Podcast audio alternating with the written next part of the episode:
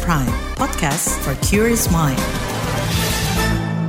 Halo saudara, senang sekali kami bisa menyapa Anda kembali melalui program KBR Sore edisi Rabu 5 April 2023. Saya Sindu Darmawan kembali menemani Anda selama kurang lebih 30 menit ke depan.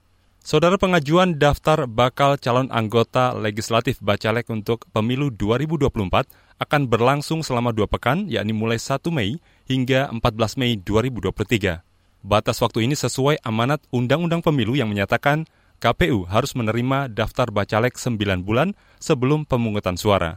Sesuai jadwal, pemungutan suara calon anggota legislatif akan digelar Rabu 14 Februari 2024. Lantas bagaimana partai politik menjaring bakal caleg yang berkualitas? Apakah penyusunan daftar bakal caleg itu terkendala lantaran belum ada keputusan Mahkamah Konstitusi terkait sistem pemilu terbuka atau tertutup? Selengkapnya kita bahas di KBR Sore.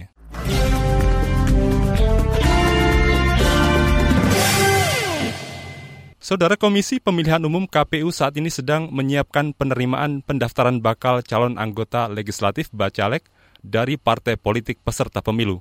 Anggota KPU Idam Kolik menjelaskan setiap bakal caleg harus menyertakan surat keterangan dari pengadilan negeri setempat. Salah satu syarat memperoleh surat tersebut adalah harus memiliki Surat Keterangan Catatan Kepolisian atau SKCK. Idam mengingatkan, KPU tidak akan memperpanjang masa pendaftaran bakal calon anggota legislatif atau bacalek. Saat ini KPU sedang melakukan persiapan oh, untuk penerimaan pengajuan atau pendaftaran daftar calon anggota legislatif ya yang di mana KPU mempersiapkan semua kebutuhan regulasi teknis dan sistem informasi yang akan digunakan dalam uh, pencalonan tersebut. Dalam waktu dekat, KPU juga akan mengundang uh, pimpinan partai politik dan juga KPU di seluruh Indonesia. Anggota KPU Idam Holik menambahkan, partai politik bebas menyusun daftar nama-nama bakal caleg mereka. Bisa disusun berdasarkan urutan abjad nama atau disusun berdasarkan pilihan pengurus parpol. Kata dia, daftar bacalek juga harus memerhatikan keterwakilan perempuan sekurang-kurangnya 30 persen. Salah satu persyaratan untuk bakal calon anggota legislatif itu adalah memperoleh surat keterangan dari pengadilan negeri. Oleh karena itu, uh, dibutuhkanlah surat keterangan catatan kepolisian atau SKCK. Jadi SKCK merupakan syarat untuk diterbitkannya surat keterangan dari pengadilan. Anggota KPU Idam Holik menegaskan pengajuan daftar nama-nama bacalek dimulai 1 Mei dan berakhir 14 Mei tepat pukul 23.59 waktu Indonesia Barat atau WIB. Untuk nomor urut dalam daftar bakal calon anggota legislatif itu sepenuhnya merupakan kewenangan atau kebijakan partai politik dengan memperhatikan keterwakilan perempuan sekurang-kurangnya 30 persen, yang di mana uh, mengenai penerapan keterwakilan person, keterwakilan 30 persen perempuan tersebut juga menggunakan pendekatan GPR system di antara satu sampai dengan tiga uh, anggota calon anggota legislatif harus terdapat satu caleg perempuan. Di antara nomor 4 sampai dengan nomor 6 harus ada caleg perempuan dan seterusnya. Anggota KPU Idam Holik menepis anggapan sejumlah pihak yang menyebut tahap pengajuan daftar bakal caleg terlalu singkat dan mepet pelaksanaannya. Bahkan Idam optimistis tahapan dan pemilu serentak di empat wilayah daerah otonomi baru DOB Papua bisa terlaksana sesuai jadwal. Kami sudah mempersiapkan segala sesuatunya yang di mana Uh, sesuai dengan Perpu nomor 1 tahun 2022 yang kemarin telah disahkan menjadi undang-undang, KPU harus menyelenggarakan pemilu serentak di 4 DOB tersebut ya, di DOB tersebut. Maka eh, KPU tidak hanya mempersiapkan pendaftaran calon anggota legislatifnya, tetapi juga KPU saat ini sedang membentuk uh, seleksi ya, membentuk seleksi apa sedang melakukan seleksi calon anggota KPU di Papua. Jadi dengan demikian, pemilu serentak 2024 di DOB Papua diselenggarakan sebagaimana daerah provinsi lainnya di Indonesia. Saudara itu tadi penjelasan tentang tahapan pengajuan daftar nama-nama bakal calon anggota legislatif Bacalek yang disampaikan anggota KPU Republik Indonesia Idam Holik. Sesaat lagi kami sampaikan laporan khas KBR tentang upaya menjaring caleg berkualitas tanpa politik uang. Tetaplah di KBR sore. You're listening to KBR Pride, podcast for curious mind. Enjoy.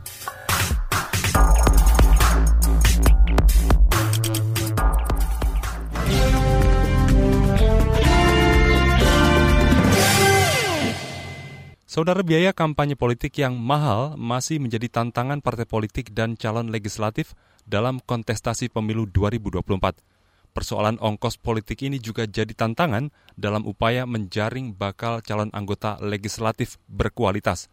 Lantas apa upaya partai politik dan penyelenggara pemilu guna menekan politik uang? Berikut laporan khas KBR disusun jurnalis Mutia Kusumawardani. Sejak Komisi Pemberantasan Korupsi KPK berdiri pada 2003, ada lebih dari 340 anggota DPR dan DPRD terjerat kasus trasuah. Selain itu, 23 gubernur dan tidak kurang dari 155 wali kota dan bupati juga jadi sasaran penyidikan KPK. Lembaga anti rasuah KPK mengidentifikasi salah satu penyebab utama korupsi adalah tingginya mahar politik untuk memperbesar peluang kandidat diusung partai politik. KPK memperkirakan Transaksi di bawah tangan untuk jual beli suara itu nilainya mencapai miliaran rupiah per orang. Mahar politik juga terjadi pada setiap tingkatan, termasuk biaya pencalonan kepala daerah yang dapat mencapai seratusan miliar rupiah. Direktur Sosialisasi dan Kampanye Anti Korupsi KPK, Amir Arif, mengatakan, kandidat yang terpilih karena mahar politik terbukti tidak berkualitas. Menurut Amir, mereka tidak mempunyai integritas dan kapasitas sebagai pemimpin atau wakil rakyat. Tahun lalu bahkan Pak Sekjen kami dapat curcol itu dari kader partai gitu. Pak, kami itu kalau kampanye ke daerah katanya rakyat itu langsung identifikasi saya ini caleg duafa atau tidak, Pak. Karena saya harus membiayai politik yang begitu tinggi, akhirnya dia memilih-milih mana caleg yang isi tasnya lebih tebal gitu daripada yang mampu memberikan janji-janji program dan visi misi yang lebih menjanjikan bagi pembangunan masyarakat. Direktur Sosialisasi dan Kampanye Anti Korupsi KPK, Amir Arif menambahkan, mahar politik juga membuat seseorang terus putar otak mengembalikan modal untuk mengikat restu partai. Akibatnya, jika caleg itu terpilih, maka akan berlanjut pada keputusan yang hanya menguntungkan diri dan kelompoknya serta membuka celah untuk korupsi. Efek domino dari mahar politik itu juga dapat merusak demokrasi dan sistem pengkaderan yang ideal. Salah satu partai baru peserta pemilu 2024, Partai Gelora, menilai regulasi tentang dana kampanye masih membuka celah untuk korupsi. Baik itu regulasi dalam Undang-Undang tentang Pemilu, Peraturan Komisi Pemilihan Umum atau PKPU, maupun Peraturan Badan Pengawas Pemilu atau Perbawaslu. Wakil Ketua Umum Parpol Gelora, Fahri Hamzah mengatakan, peraturan soal sumber uang calon yang berkontestasi harus diatur ketat dan transparan. Ia mendorong porsi biaya kampanye dari pemerintah harus lebih besar ketimbang swasta untuk menekan praktik politik uang berkedok balas budi. Kalau pemilu ini tidak disistematisir lagi sebagai satu pertarungan yang ada aturannya, ya dan aturannya itu mesti ada fondasi berpikirnya gitu, sistem demokrasi dan sistem ketatanegaraan, eh, jadwalnya bagaimana, ya kontestasinya apa yang mau diadu dan sebagainya dalam demokrasi itu penyelenggaranya itu partai politik atau orang. Yang kayak gitu kalau tidak disistematisir lagi ya inilah yang akan terjadi. Pemilu ini adalah Thai boxing gitu ya. Aturannya itu longgar, inisiatif orang per orang tinggi dan sumber daya yang dimobilisir tidak terbatas termasuk sumber daya yang berasal dari orang yang sedang memegang kekuasaan.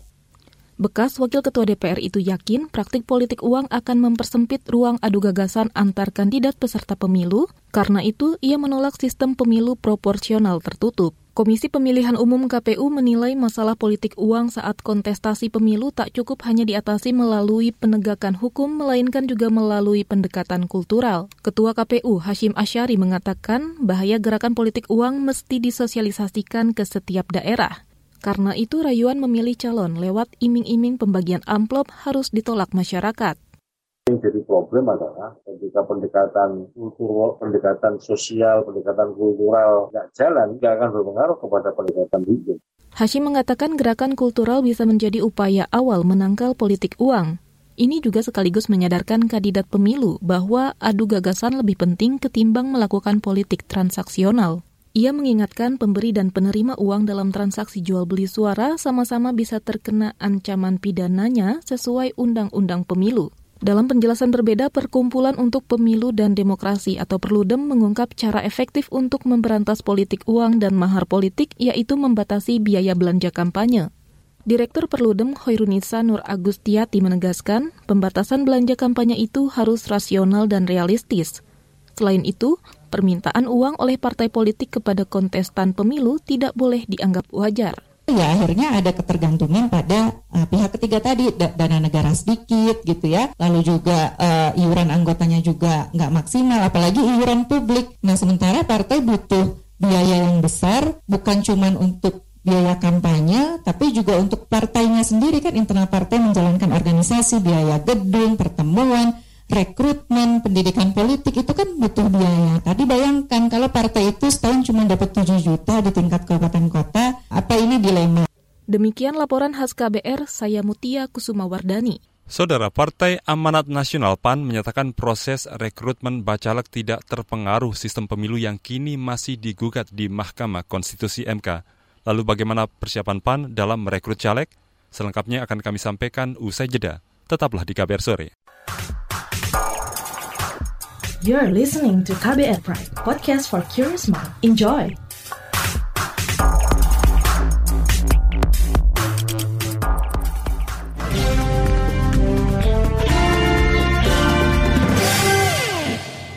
Anda masih di KBR Sore. Saudara Partai Amanat Nasional PAN bertekad mempertahankan pemilu dengan sistem proporsional terbuka. PAN yakin proses gugatan uji materi sistem proporsional pemilu di Mahkamah Konstitusi tidak akan mengganggu proses rekrutmen bakal caleg. Lantas apa langkah yang akan diambil PAN jika MK memutuskan pemilu menerapkan sistem proporsional tertutup? Berikut wawancara jurnalis KBR Heru Haitami bersama politikus PAN, Gus Pardi Gaus pendaftaran calegnya sudah semakin dekat begitu Pak. Nah, kemudian juga ini kan MK juga di sidang akan memutuskan apakah nanti sistem proporsional terbuka atau tertutup. Nah, mungkin PAN bagaimana menyikapi ini? Ya, kalau di PAN kan adalah uh, partai yang uh, jadi promotor terhadap sistem proporsional terbuka itu.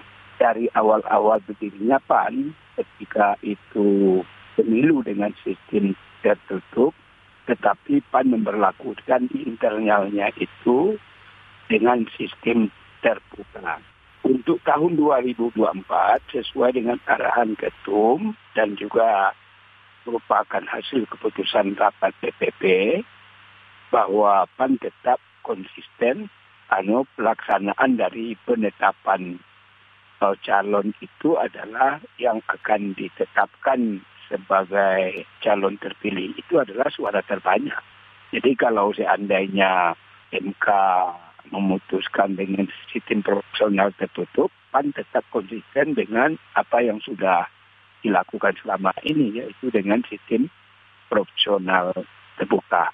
Dan itu sudah diketahui oleh para kader, terutama orang-orang yang ingin maju sebagai caleg baik, dari tingkat pusat ataupun kabupaten kota. Ketika kemudian MK memutuskan bahwa ini akan proporsional tertutup, nah langkah yang akan dilakukan oleh PAN sendiri bagaimana dan apakah persidangan di MK ini nanti keputusan ini juga mengganggu begitu Pak sistem rekrutmen di internal PAN sendiri? Dalam penetapan caleg ya jadi itu adalah berdasarkan suara terbanyak. Apa pun yang diputuskan oleh MK kita tetap uh, melakukan penetapan caleg yang duduk sebagai anggota DPR baik dari kabupaten kota dan provinsi itu adalah suara terbanyak. Jadi akan ada mekanisme yang diatur di dalam internal partai, kesepakatan-kesepakatan yang dibuat dan itu dipahami oleh seluruh para caleg yang mendaftar di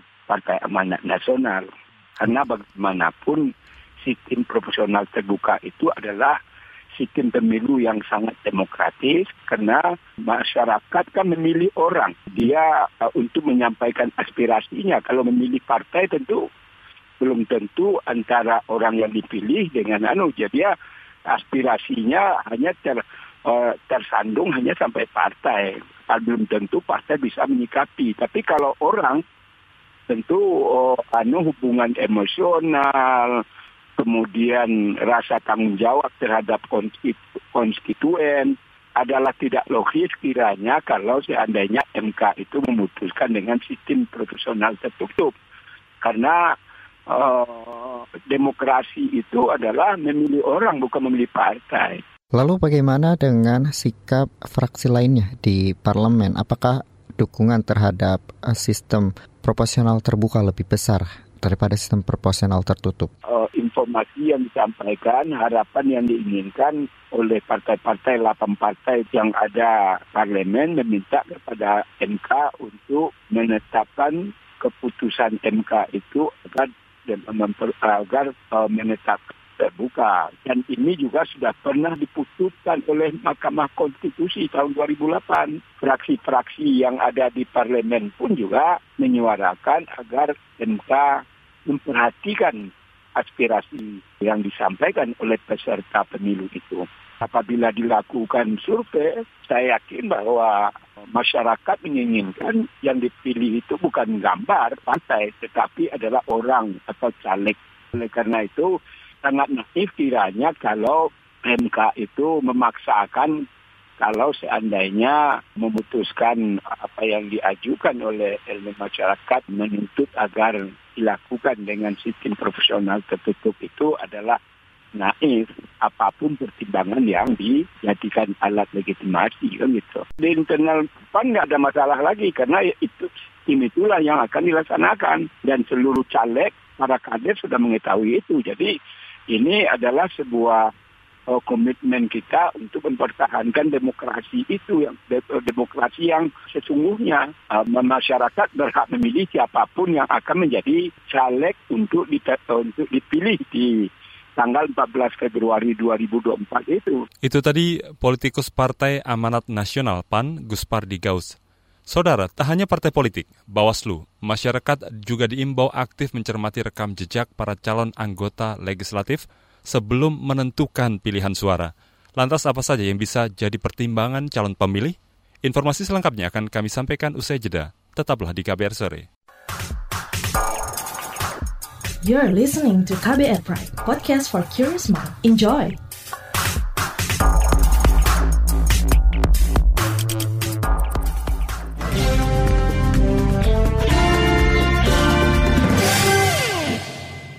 Saudara Lembaga Lingkar Madani mengungkapkan masih ada beberapa hal yang dapat mengancam demokrasi dalam pemilu legislatif. Misalnya praktik nepotisme hingga politik uang di internal partai-partai politik. Untuk itu diperlukan pencermatan dan pengawasan dari berbagai pihak, termasuk dari Badan Pengawas Pemilu Bawaslu dalam proses perekrutan bakal calon legislatif. Selain itu, masyarakat diimbau aktif mencermati rekam jejak para caleg di wilayah masing-masing – Selengkapnya, simak wawancara jurnalis KBR Siti Sadida dengan Direktur Lingkar Madani, Rai Rangkuti. Deadline pendaftaran calon legislatif untuk pemilu 2024 itu 14 Mei 2023. Sementara MK belum memutuskan pemilu akan pakai sistem proporsional terbuka atau tertutup. Nah, apa yang paling jadi kekhawatiran Bapak yang kira-kira barangkali menjadi ancaman demokrasi terkait penjaringan calon legislatif oleh partai politik ini? Yang paling utama itu memastikan bahwa calon-calon ini tidak memiliki catatan yang negatif, baik dari aspek pidana maupun dari aspek moral. Gitu. Nah yang kedua, caleg-caleg ini sebisa mungkin adalah orang-orang yang tidak berkaitan dengan elit-elit partai politik gitu alias mengurangi munculnya uh, nepotisme politik lah di dalam jagat politik kita gitu. Nah, yang ketiga adalah memastikan persyaratan administrasi mereka benar gitu yang diajukan ke KPU. Ya, kita sudah melihat peristiwa begitu bolak-balik ya soal verifikasi partai politik yang penuh dengan drama kemarin itu. Ini penting untuk dicermati betul ya. Yang keempat ya ini agak sulit menurut saya adalah soal permainan uang di internal partai untuk mendapatkan nomor urut yang bagus. Nah ini perlu juga dicermati, cuma kalau yang ini mestinya bagiannya Bawaslu. Apakah Bawaslu mampu untuk melacak kemungkinan terjadinya politik uang di dalam internal partai politik terkait dengan proses pencalekan gitu. Bagaimana menilai penjaringan calon legislatif selama ini? Apakah sudah dikatakan um, terjaring secara berkualitas? Sebetulnya beberapa hal terjadi gitu. Misalnya akan ada beberapa partai itu yang membuka pendaftaran partai politik secara terbuka gitu. Nah, cuman masalahnya pendaftaran terbuka itu kadang-kadang sebetulnya dibutuhkan dalam rangka melengkapi kebutuhan partai politik untuk mengisi slot kursi pencalekan di dapil masing-masing gitu. Jadi sebenarnya bukan dalam rangka mencari figur tokoh yang bagus dan seterusnya gitu, tapi lebih karena memenuhi kebutuhan mereka sendiri yaitu uh, persyaratan 30% calon itu harus perempuan gitu ya. Nah yang kedua adalah uh, memenuhi 100% kursi yang tersedia di dapil itu. Gitu. Bagaimana kita dapat menilai rekam jejak para calon legislatif? Katakanlah jika sistem pemilu yang diterapkan adalah sistem proporsional terbuka. Kalau sekarang ini kan sudah sangat mudah menilai rekam jejaknya ya. Tinggal dilihat medsosnya seperti apa, dicari di mesin pencari ya katakanlah Google misalnya apakah yang bersangkutan pernah terkait dengan kasus tertentu dan sebagainya sebagainya melihat kekayaan pribadinya dengan usaha yang ia geluti gitu. Itu sekarang justru sangat terbantu dengan kehadiran media sosial ini gitu untuk mengetahui rekam jejak yang bersangkutan. Ini masalahnya sebenarnya bukan mengenal rekam jejak ya, tapi masalahnya adalah pemilik kita mau nggak ya sedikit agak direpotkan gitu. Sebetulnya nggak repot-repot amat karena mereka udah bisa lihat itu dari handphonenya masing-masing kan gitu ya. Dan jika sistem pemilunya itu sistem proporsional tertutup ditetapkan oleh MK, apa kira-kira imbauan Bapak supaya terjaringlah calon legislatif yang berkualitas dan publik tidak salah dalam memilih calon legislatif? Nggak ada yang bisa dihimbau lagi karena kalau tertutup itu hanya partainya yang bisa dihukum gitu. Kalau caleg-calegnya nggak bisa. Gimana menghukumnya kalau ia dilindungi oleh partainya dengan menempatkannya di nomor urut di dapil yang pasti menang partai itu gitu. Susah itu. Jadi eh, kita nggak bicara lagi menghukum caleg kalau udah proporsional tertutup tapi kita berbicara menghukum partai politik. Tetapi kan susah juga menghukum partai politiknya gitu ya. Kalau secara umum citranya baik di masyarakat itu. Tapi meskipun begitu ya tetap kita sarankan untuk mereka menggunakan hak pilih mereka itu sebaik-baiknya dalam rangka memberi reward and punishment terhadap partai politik dan juga caleg-caleg ya. Kalau tertutup ya nanti partai politiknya. Jangan memilih partai yang membuat Anda kecewa. Jangan memilih calon presiden yang membuat Anda kecewa. Dan itu memang harus dikampanyekan supaya juga menghindari kita dari praktek politik uang dan praktek politik identitas. Saudara itu tadi Direktur Lingkar Madani Ray Rangkuti. Perbincangan tadi menutup jumpa kita di KBR Sore edisi Rabu 5 April 2023. Pantau selalu informasi terbaru melalui situs kbr.id, Twitter kami di akun @beritaKBR, serta podcast di alamat kbrprime.id. Saya Sindu Darmawan, bersama tim yang bertugas undur diri. Salam.